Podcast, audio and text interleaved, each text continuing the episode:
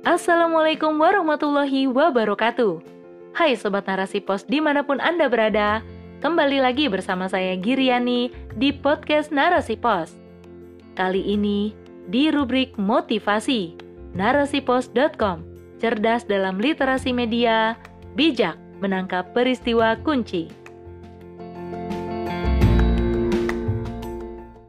Nikmat berjamaah dan menunaikan amanah oleh Ummu Zafira sebagai ibu, kehidupan hari ini tentu terasa jauh dari kata memihak pada kita. Sulitnya kehidupan seolah tak memberi banyak ruang bagi kita untuk menemukan makna bahagia. Kita dipaksa untuk menjalankan berbagai macam peran yang tak sesuai tuntutan Rob kita. Tanpa sadar, kita pun larut terjebak pada pemikiran kaum pengagum kesetaraan gender yang menganggap perempuan itu harus produktif. Dengan cara apa lagi kalau bukan dengan memiliki penghasilan? Lalu, bagaimana kita bisa bertahan di bawah gempuran ide-ide sekuler yang menyesatkan? Sendiri itu tentu tak lebih baik daripada berjamaah.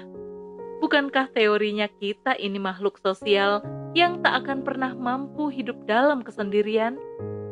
Untuk itulah, kenapa berjamaah menjadi wajib kita lakukan. Bersama-sama akan lebih memudahkan kita dalam menghadapi setiap ujian hidup. Apalagi ketika sistem tak memberikan perlindungannya kepada kita. Maka dalam jemaah, Allah memberikan nikmat untuk bisa bersama-sama saling menjaga dalam sabar dan kebaikan.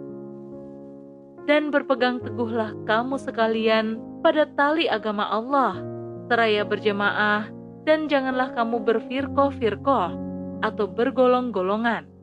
Dan ingatlah akan nikmat Allah atas kamu, tatkala kamu dahulu bermusuh-musuhan, maka Allah jinakan antara hati-hati kamu. Maka dengan nikmat itu, kamu menjadi bersaudara, padahal kamu dahulunya telah berada di tepi jurang api neraka. Tetapi dia, Allah, menyelamatkan kamu daripadanya Begitulah Allah menerangkan ayat-ayatnya kepada kamu, supaya kamu mendapat petunjuk. Quran Surah Ali Imran ayat 103 Sebagaimana kehidupan Rasulullah Shallallahu Alaihi Wasallam dan para sahabat di fase awal peradaban Islam, mereka bersama-sama meniti jalan perjuangan dalam menyebarkan risalah kenabian. Mereka merupakan teladan terbaik bagi kita dalam hal berjamaah. Kebersamaan yang mereka bangun tak hanya didasari karena wilayah yang sama, tapi juga perasaan, pemikiran, dan aturan yang serupa, yakni Islam.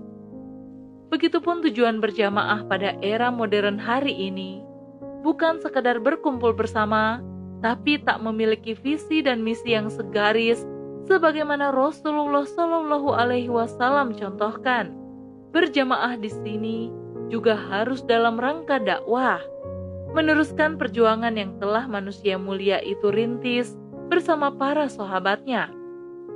Allah Subhanahu wa Ta'ala memerintahkan kepada kita dalam surah Ali Imran ayat 104. Dan hendaklah ada di antara kamu segolongan umat yang menyuruh kepada kebaikan, menyuruh kepada yang ma'ruf dan mencegah dari yang mungkar. Mereka itulah orang-orang yang beruntung. Masya Allah, sebuah keberuntungan jika kita hari ini Allah pertemukan dengan para sahabat dalam dakwah. Tak semua orang memiliki nikmat yang sama. Lantas, bagaimana bisa kita sia-siakan keberuntungan ini dengan rasa enggan dalam menjalankan amanah? Duhai diri, apa yang sedang kita cari dalam jemaah ini? Bukankah amanah jadi indikasi bahwa Allah sedang melatih kita untuk berproses melayakan diri sebagai umat yang pantas diridhoi? Dengan begitu, pertolongan Allah akan hadir. Bukankah surga juga menjadi satu-satunya tempat impian di kehidupan akhir yang penuh keabadian? amanah ini bukanlah beban, tapi sejatinya ia adalah nikmat. Memang tak selamanya amanah itu mudah, tapi Allah menilai bukan dari hasil yang kita capai, melainkan seberapa besar upaya yang kita tunaikan. Ingatkah kita bait demi bait ilmu yang kita kaji di setiap majelis itu ada hak bagi mereka yang membutuhkan. Pemikiran politis yang dibangun dalam jemaah ini harus mengenyahkan sifat enggan dalam diri kita. Karena sifat inilah yang kemudian menjadikan kita sebagai manusia-manusia yang tidak produktif. Usia kita nyatanya habis dalam kesia-siaan Astagfirullah.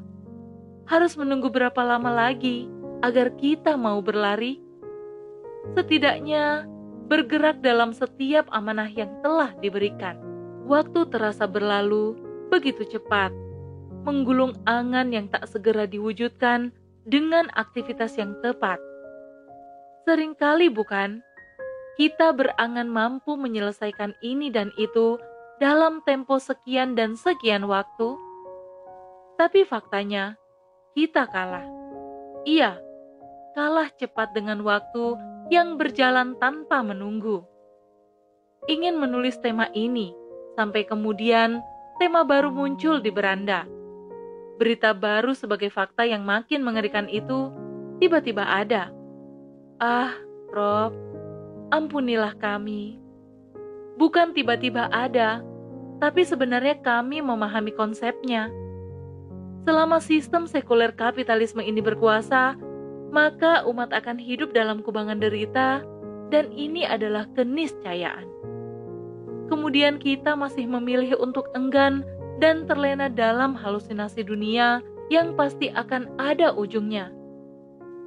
Kenapa kita tak serius dan fokus untuk memperjuangkan bekal yang menjadi penyelamat di kehidupan selanjutnya? Bukankah amanah dakwah ini merupakan jalan pintas menyemai bibit investasi pahala yang mengalir tanpa ada batas. Sobat muslimah, mari kita bergegas. Umat menanti kita. Yakinlah, setiap apa yang kita upayakan dalam menunaikan amanah dakwah akan Allah bayar dengan balasan yang jauh lebih baik. Ingatkah bahwa Allah telah berjanji jika kita menolong agama ini, maka Allah akan memberikan juga pertolongannya kepada kita. Janji siapa yang seharusnya kita percaya? Allah penguasa alam semesta atau dunia fana yang semu lagi menghinakan? Wallahu a'lam bisawab. Wassalamualaikum warahmatullahi wabarakatuh.